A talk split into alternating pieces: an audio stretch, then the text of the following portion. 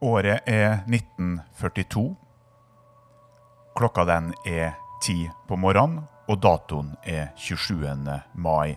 I dag skal SS-general Reinhard Heidrich utsettes for et attentat som gjør at han om noen få dager dør.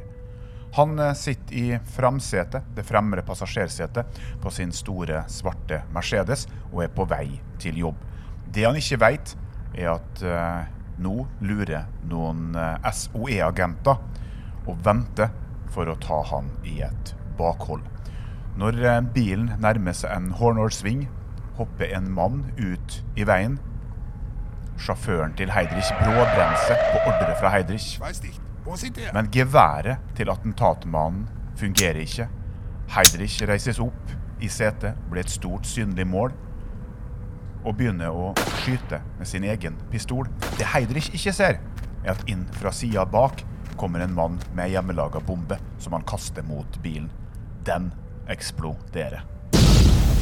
Det her er jo den kjente episoden som har vært eh, gjenskapt i mange filmer, som førte til at eh, Reinhard Heidrich mista livet. Men livet til Heidrich det inneholder også mye annen dramatikk. Og fyren var en tvers gjennom ond jævel. Han skal du få høre mer om i dag. Dette er London. I dager som disse er det sikkert mange i Norge som tenker på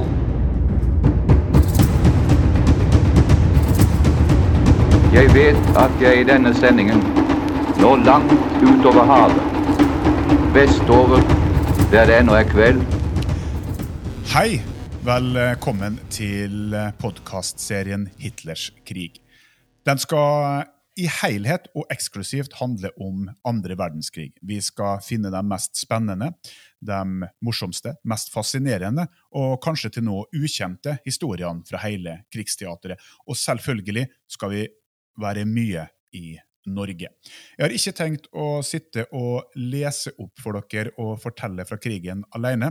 Sammen med meg så har jeg Asbjørn Svarstad. Han har bodd i over 25 år i Berlin, og har der jobba som journalist for bl.a. svenske Aftonbladet og BT i Danmark, og selvfølgelig norske Dagbladet. Han er autorisert guide i Sachsenhausen, og han guider også i Berlin. Og privat så har han et enormt bibliotek av eh, fotografier, filmer, lyd og litteratur og arkivmateriale om andre verdenskrig. I mine øyne så er Asbjørn en av de fremste norske journalistene innen temaet andre verdenskrig. Og han skal være med her og dra oss gjennom de utroligste historier. Og på toppen av det hele skal Gunnar Hatlehol, som er faghistoriker, være med oss og både justere, bekrefte og kanskje nyansere bildet i de historiene vi forteller. Og i dag, som du allerede har hørt i introen, så skal det handle om Reinhard Heidrich. Og Reinhard Heidrich han er jo byråkraten som var iskald, som planla og gjennomførte drapet på millioner av jøder. Men denne mannen der, han kom plutselig til Norge våren 1940. Midt under felttoget, ikke i SS generalsuniform, men ei kapteinsuniform i Luftwaffe, og han hadde jaggu greid å få tak i sitt eget fly. Asbjørn, Reinhard Heydrich gjorde også en del andre ting i Norge, blant annet var han ransmann. Det her må du eh, nesten fortelle om med en gang. Ja, det store dramaet fant sted den 22. mai 1940 om kvelden.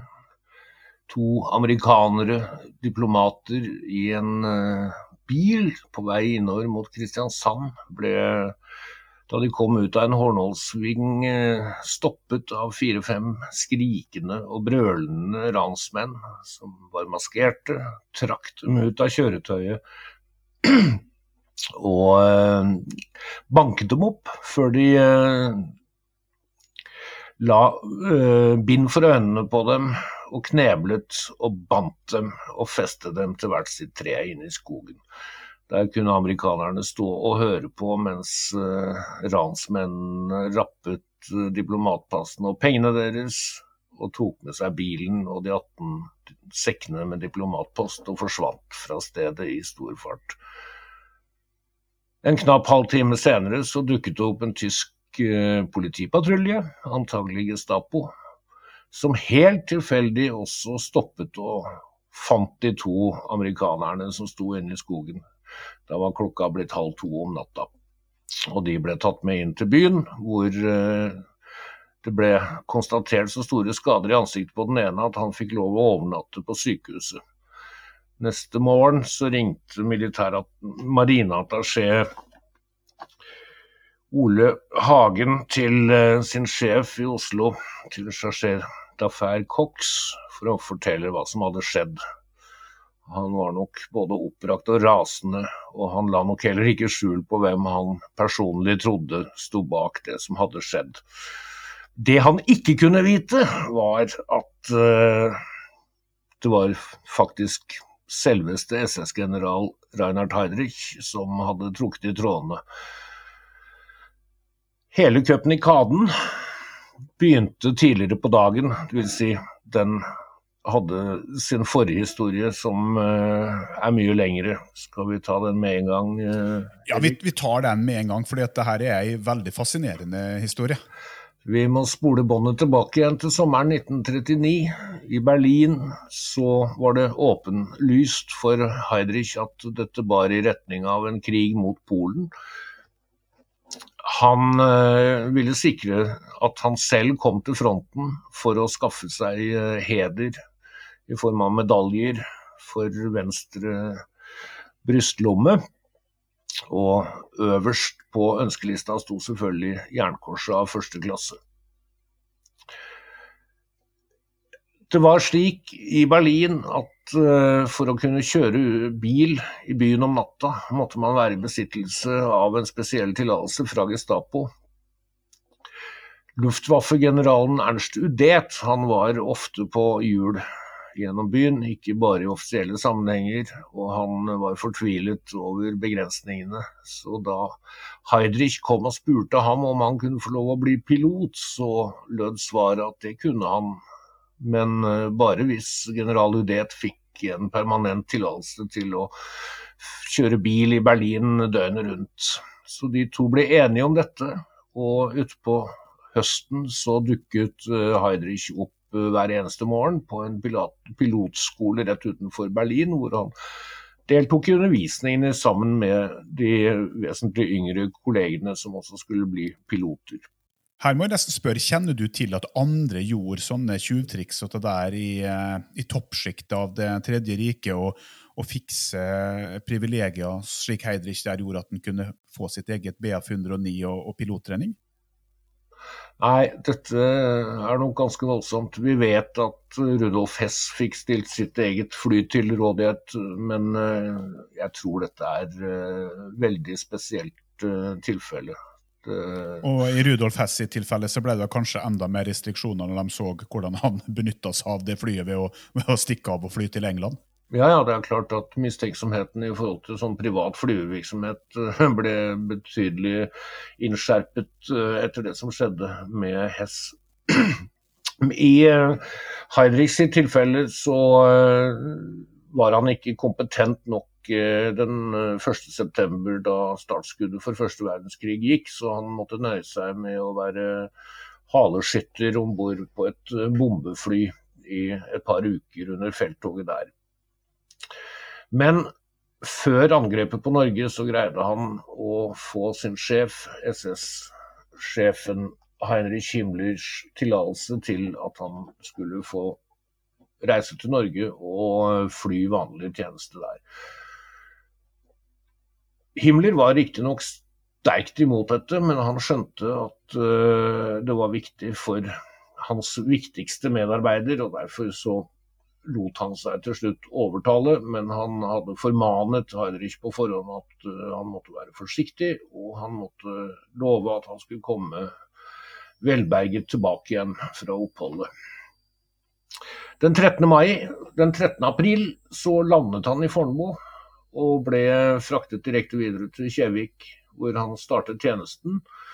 Etter hvert så ble denne gruppa i jaktgeschwader 77 eh, flytta videre til Stavanger og Sola, men eh, de første innsatsene skjedde fra Kristiansand. Som regel så var det slik at det kom alarm om britiske fly som, var, eh, som angrep De kom fra skip som lå utenfor, eller ute ved kystlinja. Tyskernes meldetjeneste var fortsatt så dårlig at britene som regel hadde rukket å bombe og angripe de målene de, de, hadde planlagt, og å komme seg vekk igjen før Heidrich og hans kamerater nådde frem. Så noen uh, luftkamp ble han aldri involvert i i Norge.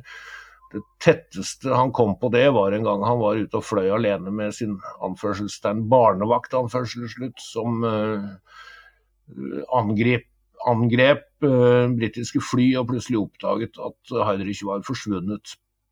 Da denne barnevakta kom tilbake igjen til flyplassen, så fant han Heidrich der. og Da han ble konfrontert, så svarte han at nei, det ble for mange ting som skjedde samtidig, og det ble så dramatisk at han hadde funnet det tryggest å trekke seg ut av kampsituasjonen.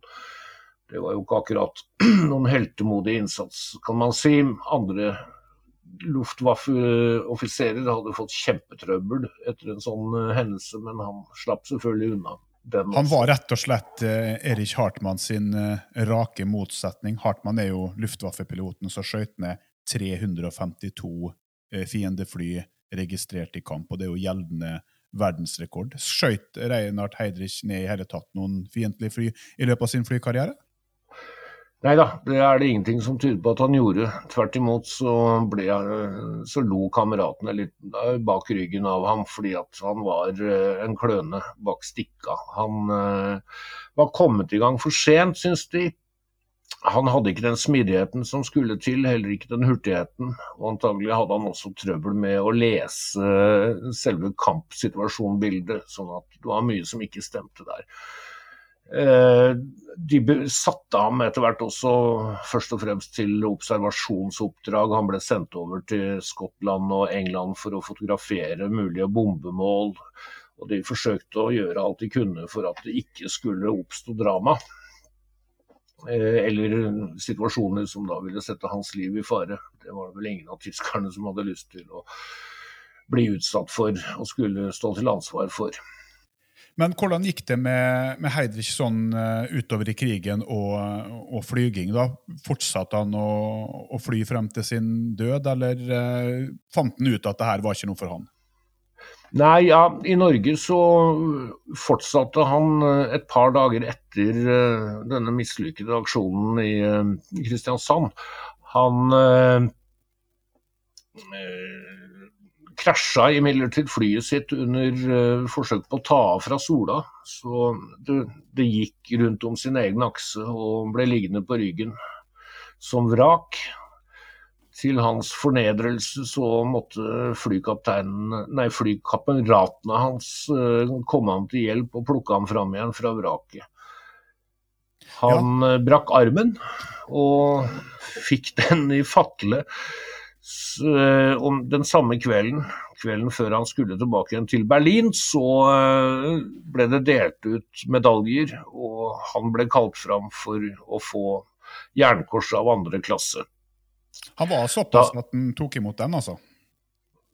Nei, han reiste seg nemlig opp og holdt en liten tale hvor han sterkt selvironisk eh, imponerte de andre pilotene og sa at det kunne ikke være meningen at eh, de skulle dele ut tapperhetsmedaljer til folk som ikke hadde ytt annet enn å knuse sitt uh, eget fly. på Så han hadde litt offisers-æreskjennelse, sa han. Ja, det var i hvert fall det inntrykket han ga Luftwaffe-folkene som var til stede. Men da han dagen etterpå landet i Berlin, så hadde han nemlig jernkorset av andre klasse på SS-uniformen sin. Så han hadde nok gått tilbake og bedt om å få den likevel. For en pompøs fyr. Men uh, Reinhard Tristan Eugen Heidrich. Altså, nå har vi vært innom på en del av eskapadene hans eh, i Norge. Han eh, kom jo tilbake igjen til Norge ved en senere anledning. Men jeg har veldig lyst til å, å, å, grave litt i eh, Reinhard Heidrich som person. Og eh, SS-general Luftwaffe-pilot som han fikk eh, snuska seg til. Var han en sånn typisk eh, militant gutt som var med i Freikorps eh, etter første verdenskrig og oppvokst i en militant, kanskje prøyssisk familie? Ja, han ble frikorpsmedlem allerede som 15-åring i hjembyen Halle. Der var det to ganger kommunistisk revolusjon. Spartakistene tok makten i byen. Og Frikorpset kom og ryddet opp brutalt og blodig, og fikk uh, gjenopprettet uh, såkalt demokratisk uh, styre i byen. Der var han engasjert i over et år blant disse reaksjonære Stort sett frontveteraner som drev med slik tjeneste. Faren hans var dirigent, komponist, og drev sitt eget uh, musikkakademi i Halle. Familien hadde behagelig økonomi fordi moren var arving til en større formue. Men forholdene må ha endret seg vesentlig etter den første verdenskrig, da flesteparten av pengene gikk tapt i uh, inflasjonen. Som 18-åring hadde Heidrich gjort unna artium, og han ble tatt opp Eh, som offisersaspirant eh, i den knøttlille tyske marinen. Den som var så liten fordi at uh, vinneren av den første Ja, Det var jo restriksjonene etter første verdenskrig, Versailles-traktaten, var det ikke det? Jo, det var rett og slett Versailles-traktaten som gjorde at de uh, ikke hadde lov til å ha mer enn 100 000 mann under våpen. Og en en liten del av de var satt av til marinen. Men der fikk uh, Heidrich en plass som betydde at hvis han bare oppførte seg ordentlig, så var fremtiden og pensjonen sikret for hans vedkommende. Han ville helt sikkert ha gjort karriere, i hvert fall uh, kommet opp på obersts grad under helt vanlige betingelser. Det gjorde han aldri? Han Nei, det oppsto et drama der i 19... Ja, Hvilken grad hadde han da? Da var han var overløytnant. Det blir vel det samme i vår Hvis vi ser i vårt uh, militære gradssystem, så vil det vel bli det noe sånt som uh, kapteinløytnant? Kaptein. Men hva, hva, skjedde da med, med Reinhard i marinen? Hvorfor forsvant han ut derfra? Ja, det var en episode fra 1930. Han eh, var blitt eh, overløytnant, og det så strålende ut for karrieren og fremtiden da han møtte den 19 år gamle Lina von Osten. Høy, med lyst, langt hår og blå øyne, og hun kom fra en uh, allerede gjennomsyret nazifamilie på øya Femern nord i Tyskland. Allerede den første kvelden så spurte han henne om hun uh, hadde lyst til å gifte seg med ham. Og noen uker senere så ble forlovelsen offentliggjort. Da den nyheten kom ut i Kiel, så var det noen piker som, han, som trodde hun var i sammen med ham, og som trodde sågar at han hadde lovet henne ekteskap, som ble rasende. Og gikk til pappaen sin og klagde over at eh, hun var blitt sveket av eh, denne unge marineoffiseren. Pappaen var ikke noen hvem som helst uh, i byen, og han gikk til marineledelsen og klaget, slik at plutselig så befant uh, Heidrich seg foran en æresdomstol med høyere offiserer som dommere.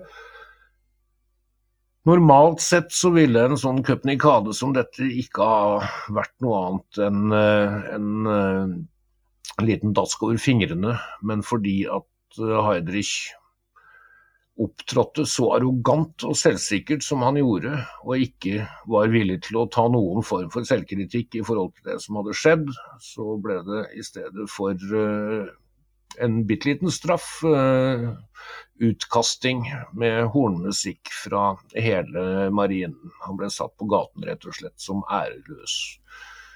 Og det var ikke så greit i 1930, året etter at hele verdensøkonomien hadde brutt sammen og flere og flere millioner tyskere sto arbeidsløse på gata.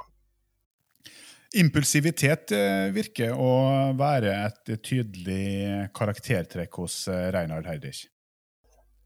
Ja, det kan hende at det er impulsivitet, men eh, jeg tenker nok snarere at for en slik karakter som han, så er det også andre ting. Det er rett og slett Han er iskald, han er samvittighetsløs, han blir av samtidig karakterisert som beregnende.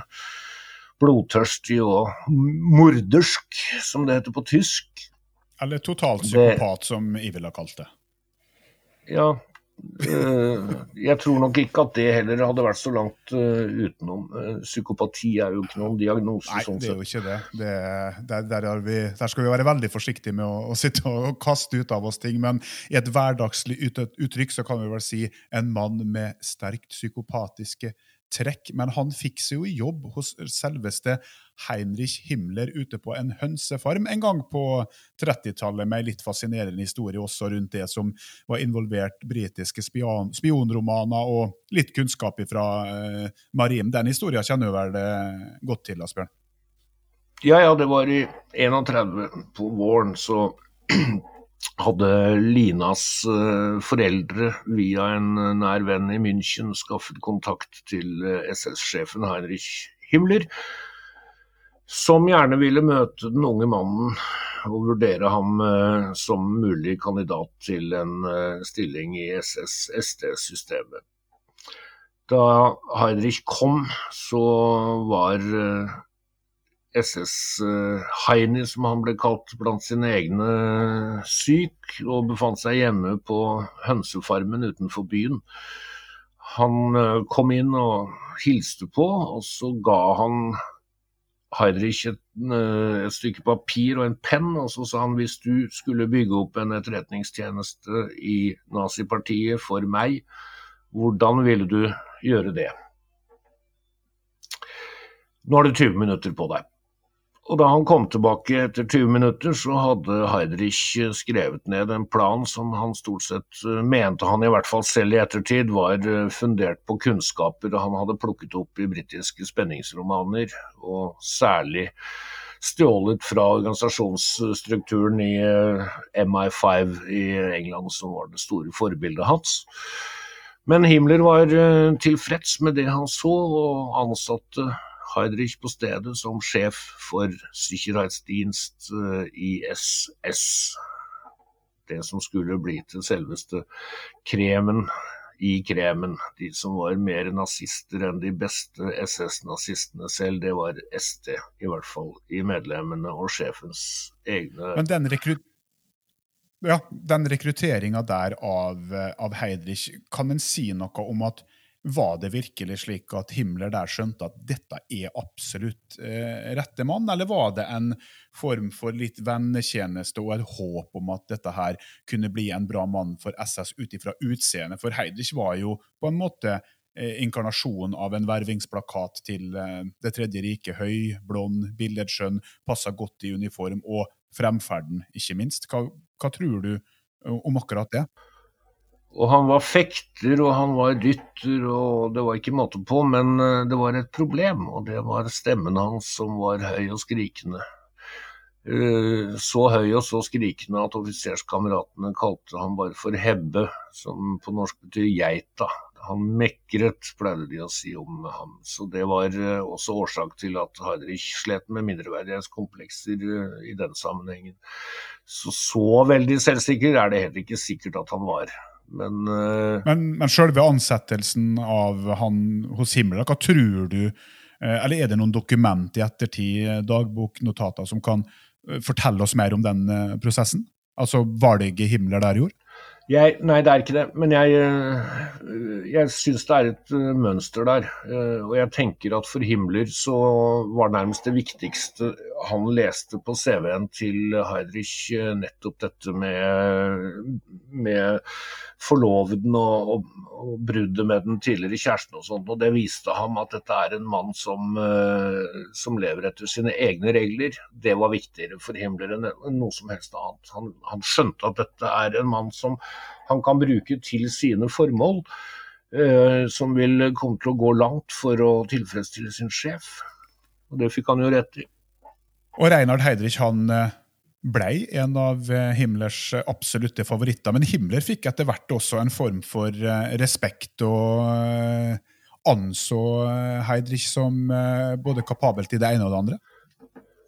Ja, det er jo helt eh, åpenlyst at eh, Heidrich ble en av de aller viktigste medarbeiderne for Himmler. Eh, det blir også fortsatt snakket om HHHH, forkortelsen fire, fire ganger H, at Heinrich er Heinrich Himmlers hjerne.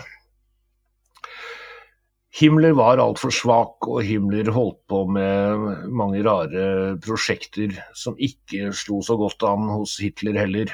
Men uh, Heidrich han beholdt uh, beina på bakken, og han beviste for uh, både Himmler og Hitler at han også var kapabel til å gjennomføre skurkestrekene sine. Ved en anledning fikk han forfalsket dokumenter slik at det skulle se ut som en sovjetisk eh, høytstående general hadde gjort seg skyldig i eh, spionasje til fordel for Tyskland. Disse, uh, disse, dokumentene ble plantet i Moskva, hvor de havnet hos Stalin, som sørget for at generalen ble stilt for standrett og skutt. Etterpå så var Heidrich veldig stolt over seg selv og sin egen innsats. Han fikk også satt i gang produksjonen av britiske pundsedler, som eh, et par år senere ble en diger greie med framstilling av nesten helt perfekte pundsedler, som ble tatt i bruk også. De kunne lett ha knekt hele den britiske økonomien, faktisk. Det var eh, Heidrich som sto bak kidnappingen av eh, to britiske etterretningsoffiserer i Venlo i Nederland i 1938. Og det var eh, Heidrich som skaffet likene som ble kledd ut som drepte soldater og plassert på en, tysk, nei, på en polsk radiostasjon i Glewitz hvor et angrep som ble begått av Heidrichs sine SD-folk eh, skulle virke som om eh, det var foretatt av eh, polske nasjonalister. Det angrepet som Hitler dagen etterpå brukte som unnskyldning da han forklarte Riksdagen og hele det tyske folk over radio at han hadde beordret angrep mot Polen fra klokken 4.45 i dag blir det skutt tilbake, sa han. Bombe blir betalt tilbake med bombe, og en lang tirade. Det var Glewitz han snakket om, og det var eh, skurkestreken til eh, Heidrich som der ble brukt som unnskyldning for at eh, Nazi-Tyskland angrep Polen. Reinhard Heidrich han eh, skal vi eh, litt senere høre om eh, hvordan han planla og fikk utført drapet på millioner av jøder. Vi skal også høre om hvordan Heidrich brutalt ble frarøva livet til slutt i et attentat. Men vi skal også høre mer om Reinhard Heidrich sine eskapader i Norge. For sjøl om han var her som pilot, så kom han tilbake i et helt annet ærend. Det blir i episode to av to om eh, Reinhard Heidrich. Nå er episode én av to ferdig. Vi runder av her. Og så får du fortsettelsen i episode to. Dette er London. I dager som disse er det sikkert mange i Norge som tenker på